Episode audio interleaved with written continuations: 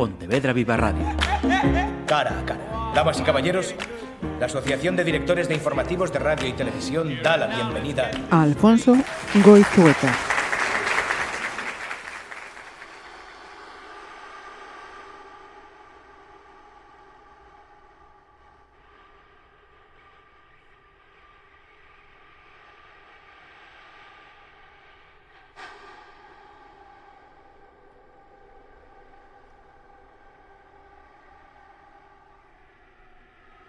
Recordaba el día en que lo mataron, a su padre. Recordaba que no sintió nada, poco más que la indiferencia de un desconocido. Fue la sensación de quien es testigo de alguna otra injusticia trivial y ajena. Sorpresa, sí, hasta furia y compasión hacia el que la sufre, pero nada que permanezca en la mente más de unos instantes. Lo hizo un capitán de la Guardia Real, seguramente pagado por los persas, durante la celebración de un triunfo, frente a toda la corte. Lo acuchilló varias veces. La sangre manó espesa y humeante. Era un día de otoño. Su madre se lloró, y eso le produjo una mezcla de extrañeza y de admiración. Sabía que sentía exactamente la misma indiferencia que él. Lo habían hablado muchas veces, pero eso no le impidió romper el cielo con su grito, igual que si le hubieran arrebatado el amor de su vida. Alejandro pensó que lo miraba reprendiéndolo furiosa, temiendo quizá que a la hora de suceder en el trono hubiera quien se opusiese alegando que no había amado a su padre y que muy probablemente por ello fuera responsable de su asesinato. De inmediato trató de buscar entre sus recuerdos alguno que tal vez pudiera soltarle la lágrima antes de que alguien notara su frialdad, pero al mirar en la memoria se dio cuenta de que estaba vacía, como si todos sus recuerdos de hijo, que lo sabía, todos los pesares, los odios, las alegrías, que las sabía, hubiesen volado en bandada. De Filipo II de Macedonia jamás supo lo que era el amor de un padre. Cierto era que nunca lo había obligado a nada, ni lo había mandado a curtirse con los nobles del norte, que no eran griegos sino bárbaros. Lo había dejado en la capital de Pela con todas las comodidades, bajo la tutela de su madre y del gran maestro Aristóteles, con una compañía exquisita de amigos. Le había regalado a su amado caballo bucéfalo, pero a él, a su figura, rara vez lo había encontrado a su lado. En verdad no lo había echado en falta, pues cuando sí estaba, sus palabras iban siempre llenas con reproches decepcionados e insultos velados por su debilidad y su sensiblería. De niño lo hería por una hombría que no llegaba, de joven porque la que tenía no le parecía adecuada, y cuando triunfaba se lo reconocía. Así sucedió en Queronea, fue su primera gran victoria en el campo de batalla. Acababa de cumplir 18 años. Para otro príncipe un día así habría sido una fuente de inspiración para su reinado futuro y de bella nostalgia en la vejez. Para Alejandro no. Ese día se enfrentó a la dura realidad de que a veces los hijos derraman lágrimas, sangre y coraje, incluso se arriesgan a la muerte inútil para probarse dignos de sus padres, y aún así no consiguen ni siquiera una mirada orgullosa por su parte. La noche antes de partir durmió con su madre, apoyada la cabeza sobre su cálido regazo para que así le viniera el sueño esquivo. Olimpia le acarició suavemente la mejilla. Ya era casi un hombre. Aunque no le hubiera salido la barba, al contrario que sus amigos, se le había desarrollado el cuerpo atlético, afilado el rostro, acaballado la nariz, rizado y ensombrecido el cabello, ahora color de cobre, alargado las patillas y endurecido la mandíbula pero ella aún veía al niño inocente al que quería esconder en el gineceo para que no pudiera alcanzarlo ningún mal. Vuelve a mí siempre, susurró en su oído. Pasó toda la noche despierta, vigilando su sueño, rezándoles a Dioniso y a Zeus para que se lo devolvieran sano y salvo. La batalla se libró un día ardiente de agosto en un llano cercano a la ciudad de Queronea, en el centro de Grecia. El campo, tembloroso por la canícula, parecía estar derritiéndose. Apenas soplaba el viento y ni la cercanía del río calmaba el calor. Un brillo de metal enceguecía el horizonte. Tebas y Atenas habían reunido en alianza con otras ciudades griegas 35.000 hoplitas, su poderosa infantería pesada, para acabar para siempre con el liderazgo del reino de Macedonia en Grecia. Surgido al ver aparecer las falanges macedónicas por la colina, encogió el corazón de Alejandro. Los soldados de las ciudades libres berreaban como bárbaros, como animales, por defender lo que consideraban suyo. Nervioso, miró a su alrededor a sus Etairoi, los amigos de su infancia, que formaban su compañía de caballería real. Iban a su lado buscando una mirada de ánimo. A su derecha estaba Efestión, era más alto que él, que no lo era mucho, y bastante más corpulento. La suya era la imagen encarnada de los semidioses del pasado. La coraza, que le cubría el pecho, dejaba a la vista los brazos de músculos trenzados. Las piernas fuertes se aferraban al caballo. El mentón puntiagudo clavaba el rostro atento en el horizonte de la batalla. El alma indómita y llena de coraje destellaba a través de los ojos por la leve ranura que dejaba el casco. Estate tranquilo, Alejandro, le dijo, estamos contigo. Alejandro le devolvió una leve sonrisa. La voz de su amigo era profunda y melódica, llena de una seguridad y una fuerza que inspiraba a quienes la oían. A su izquierda iba Clito, su hermano de leche. No era costumbre que las reinas criasen a los príncipes. Aquella labor recayó sobre la propia hermana de Clito, que cogiéndolos a cada uno en un brazo los alimentó de su pecho y sin saberlo los hermanó de por vida. A Clito lo llamaban el negro por su cabellera azabache y por la barba, que aún desde muy joven le ensombrecía el rostro por más que se afeitara. Junto a él estaba Laomedonte, un joven escuálido y de ánimo ceniciento, que apenas hablaba porque siempre estaba inmerso en una conversación consigo mismo. Era de los que allá donde fuera caminaba cabizbajo, inmerso en una lectura que se retaba a memorizar, aunque nunca fue por ello menos diestro con la lanza o el arco. De cerca lo seguía Nearco, el cretense. Aquel joven de piel tostada y cabello ensortejado de sal había llegado a la corte de Macedonia con nueve años proveniente de la isla de Creta. Hablaba con el acento áspero del mar, sus ojos azules soñaban con el Egeo encendido de la tarde, y en esa corte de caballistas y jinetes destacó siempre como el nadador más bravo.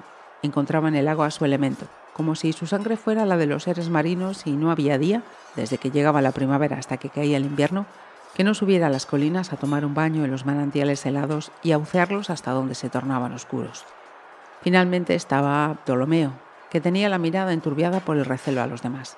No venía de la gran nobleza. Su padre era un humilde funcionario palacial. De su madre algunos se burlaban diciendo que vendía muy barato su amor a los generales. Nada, salvo una clemencia insólita del rey Filipo, podría explicar que aquel joven enjuto, de ojillos afilados y nariz tan prominente que proyectaba sombras sobre los labios torcidos, hubiera acabado educándose junto al príncipe y siendo uno de los etairoi. No perdáis la concentración, estad siempre alerta, les dijo el general Parmenión, a quien Filipo había encomendado la dirección del ala y la seguridad de Alejandro. Ya hemos estado antes en la guerra, general, deslizó el príncipe. Sí, las tribus del norte luchan con tenacidad, pero la guerra de verdad solamente se da entre los hombres iguales, le dijo. Parmenión era un hombre viejo, tenía algo más de 60 años, la mayoría de ellos al servicio de Macedonia, poco menos que había educado a Filipo.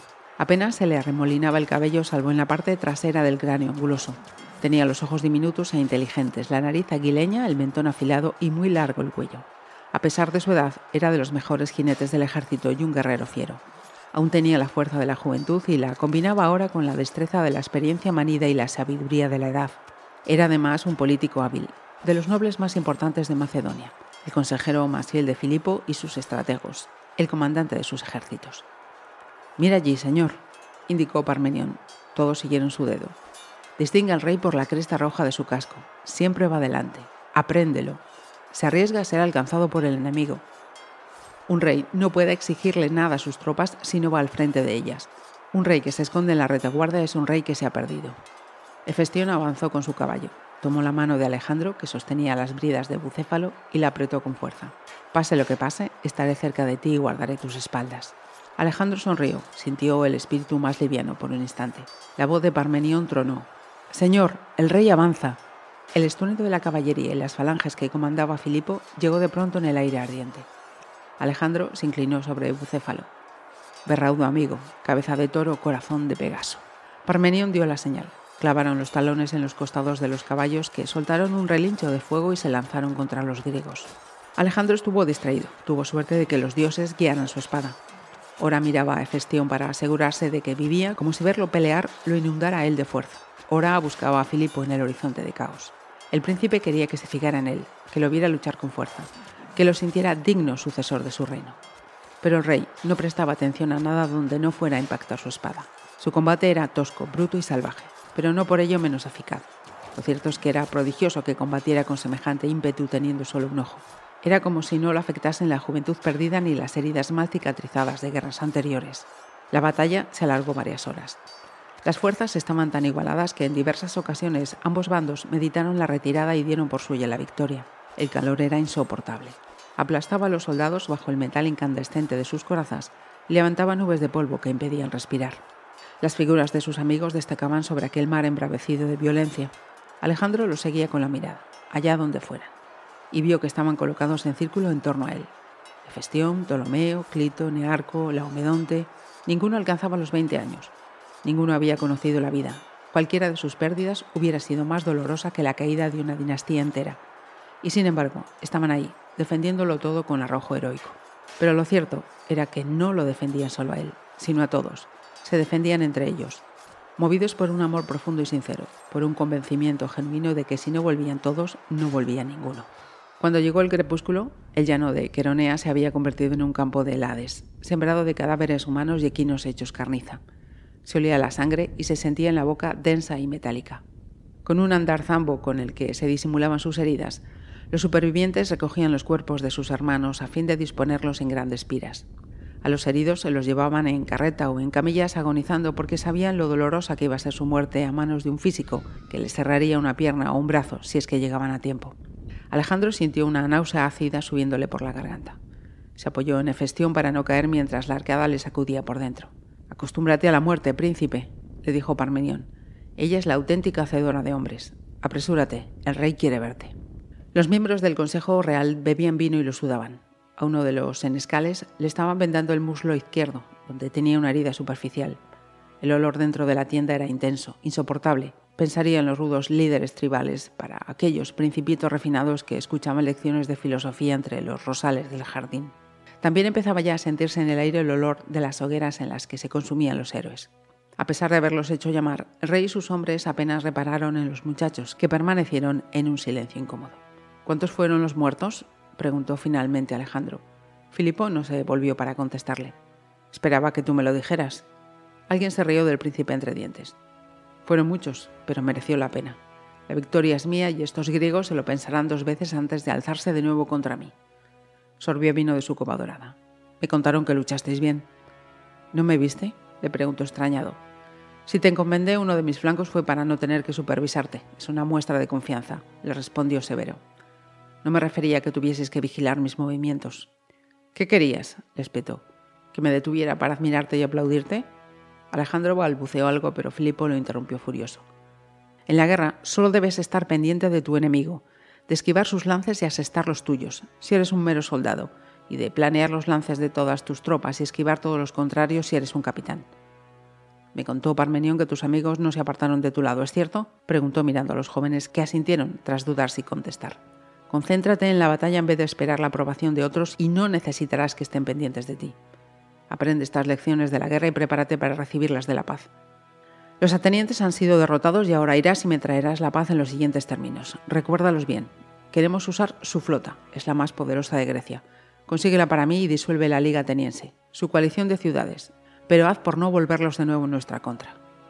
El príncipe se mordió el labio inferior y apretó los puños. Como ordenes, mi señor, le respondió con un hilo de voz aún sin mirarlo a la cara, abandonando después la tienda junto a los Eitairoi.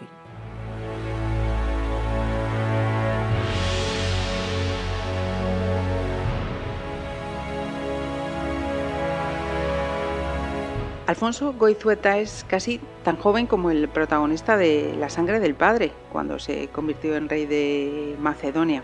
Él es el finalista, ya sabéis seguro, del Premio Planeta 2023. Así que, Alfonso, otra felicitación a las tantas que, estás recibiendo y gracias por este tiempo que nos, que nos vas a dedicar. Muchísimas gracias, Marisa. Estoy encantada de estar aquí.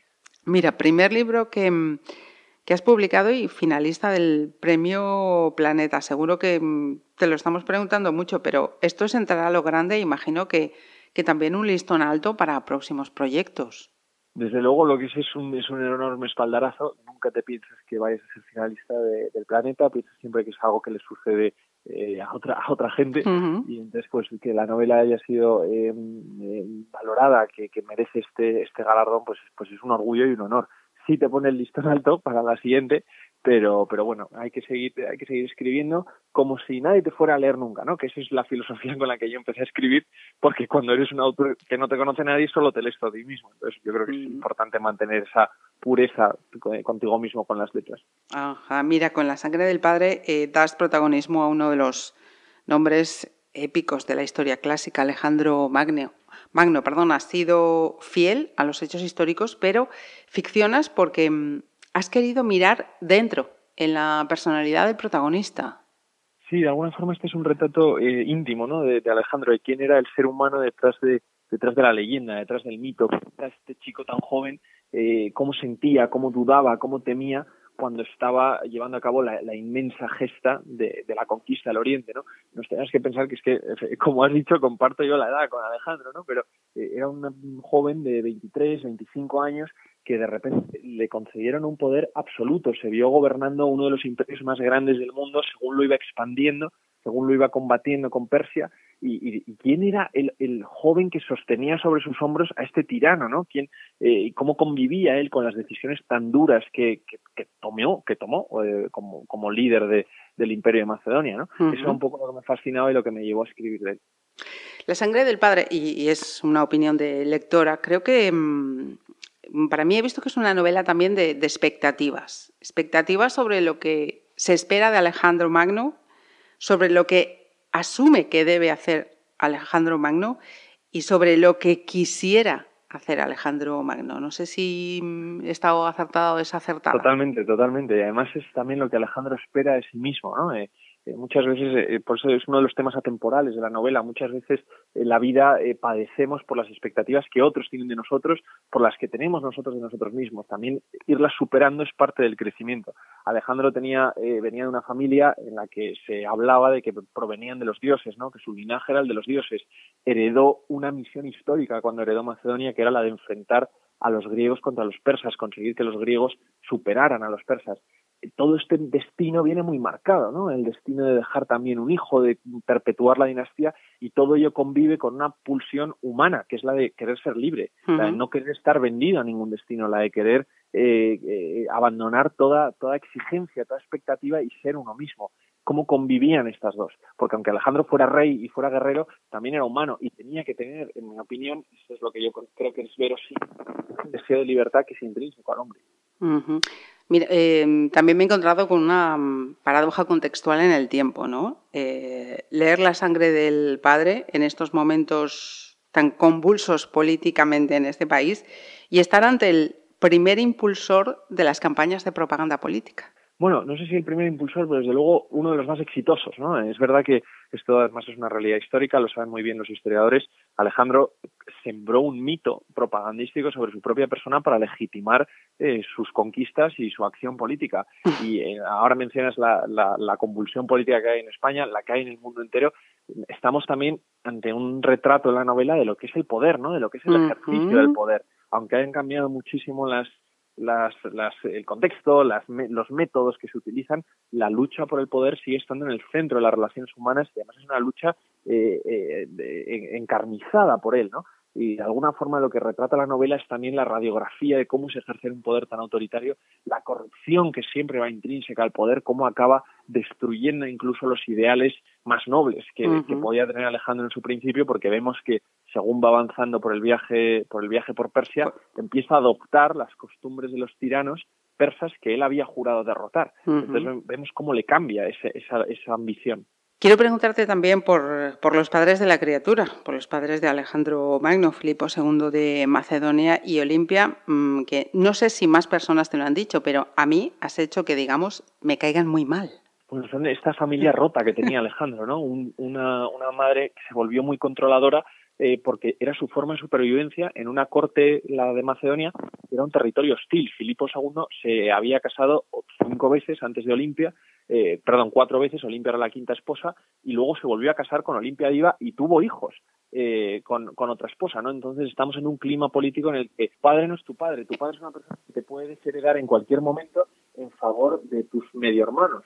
Eh, tu madre es lo único a lo que puedes estar apegado en una corte donde vienen a por qué imaginaba debió de crear un clima muy tóxico en el que Olimpia la única forma que tenía de sobrevivir no haciéndose valer como madre del, del heredero principal y asegurar la supervivencia de Alejandro para poder asegurar también la suya. Entonces, pues no, eh, muchas veces esto lo vemos con la distancia de la historia, pero aquí es donde hay que hacer, como novelista, un ejercicio de ver cuál es la posición de un joven de 16 años cuando esto es lo que está mamando en su casa, cuando esta toxicidad eh, política que se traslada a la toxicidad emocional es lo que está bebiendo todos los días. Un padre alienado y una madre eh, controladora hasta el punto edípico. ¿no? Y volviendo al protagonista, estaba leyendo y me puse a buscar y, me encontré con todo tipo de, conclusiones. Tú que te habrás adentrado tanto y sabes tanto de, esta figura, ¿Alejandro Magno era mm, bisexual o no? Porque en, este libro, por ejemplo, nos encontramos con, Hefestión, con Rosana, incluso con Barsine,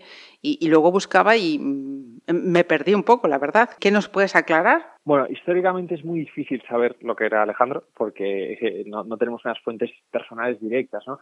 Se dice que Festión era el amante, se dice que Barsine también fue amante suya, se sabe que Alejandro se casó con Roxana y luego con, con Estatira y, y, mm, tuvo hijos, ¿no? Pero la relación de la relación de amor que hay en esta novela, la gran historia de amor, es, es una historia de amor homosexual, es entre Alejandro y, y Efestión, pero va más allá de lo, de lo físico, va más allá de lo de eran amantes simplemente, ¿no? Eh, eh, Alejandro encuentra en Efestión esa complicidad de, verte en el otro, que es para mí es, es el verdadero amor, eh, el verdadero amor, ¿no? El, el, amor más puro es cuando te, cuando te encuentras en el otro. Efestión es el otro alma de Alejandro, no la otra mitad de Alejandro. También eso implica, trae el problema, que es fundamental en la novela, de Alejandro se tenía que casar porque tenía que producir un heredero, porque se tenía que casar con una mujer porque tenía que tener un heredero, podía morir en cualquier momento en el campo de batalla y la sucesión tenía que quedar asegurada. Entonces también lo que cuenta la novela a, raíz de esta historia de amor entre Alejandro y Festión, que es el eje central, es cómo conviven el deseo que es Festión y el, deseo de amor y el deber de dejar un heredero, de casarse con una mujer, aunque eso supusiera alejarse de Festión, ¿no? Esa, esa doble tensión existe y, y, para mí es también lo hace evolucionar al personaje. Para ir terminando con este podcast, terreno en los que también tienes experiencia, una vez que, que concluya esta vorágine promocional, ¿qué, va a hacer o qué tiene previsto hacer Alfonso Goizueta? Pues escribir, seguir escribiendo. Yo eh, escribía de antes del premio y sabía que iba a seguir escribiendo hasta hasta el final de mis días, porque es que cuando, cuando tienes la, la, pulsión, cuando tienes la vocación literaria, no la puedes ignorar, ¿no? Es a veces entre bendición y maldición mm. y, bueno, eh, yo sé que, que, iba a escribir, está muy bien ganar premios y que te lean, ¿no? Eso, eso, pero yo iba a escribir pasara lo que pasara y ahora pues, pues voy a continuar, tengo proyectos en mente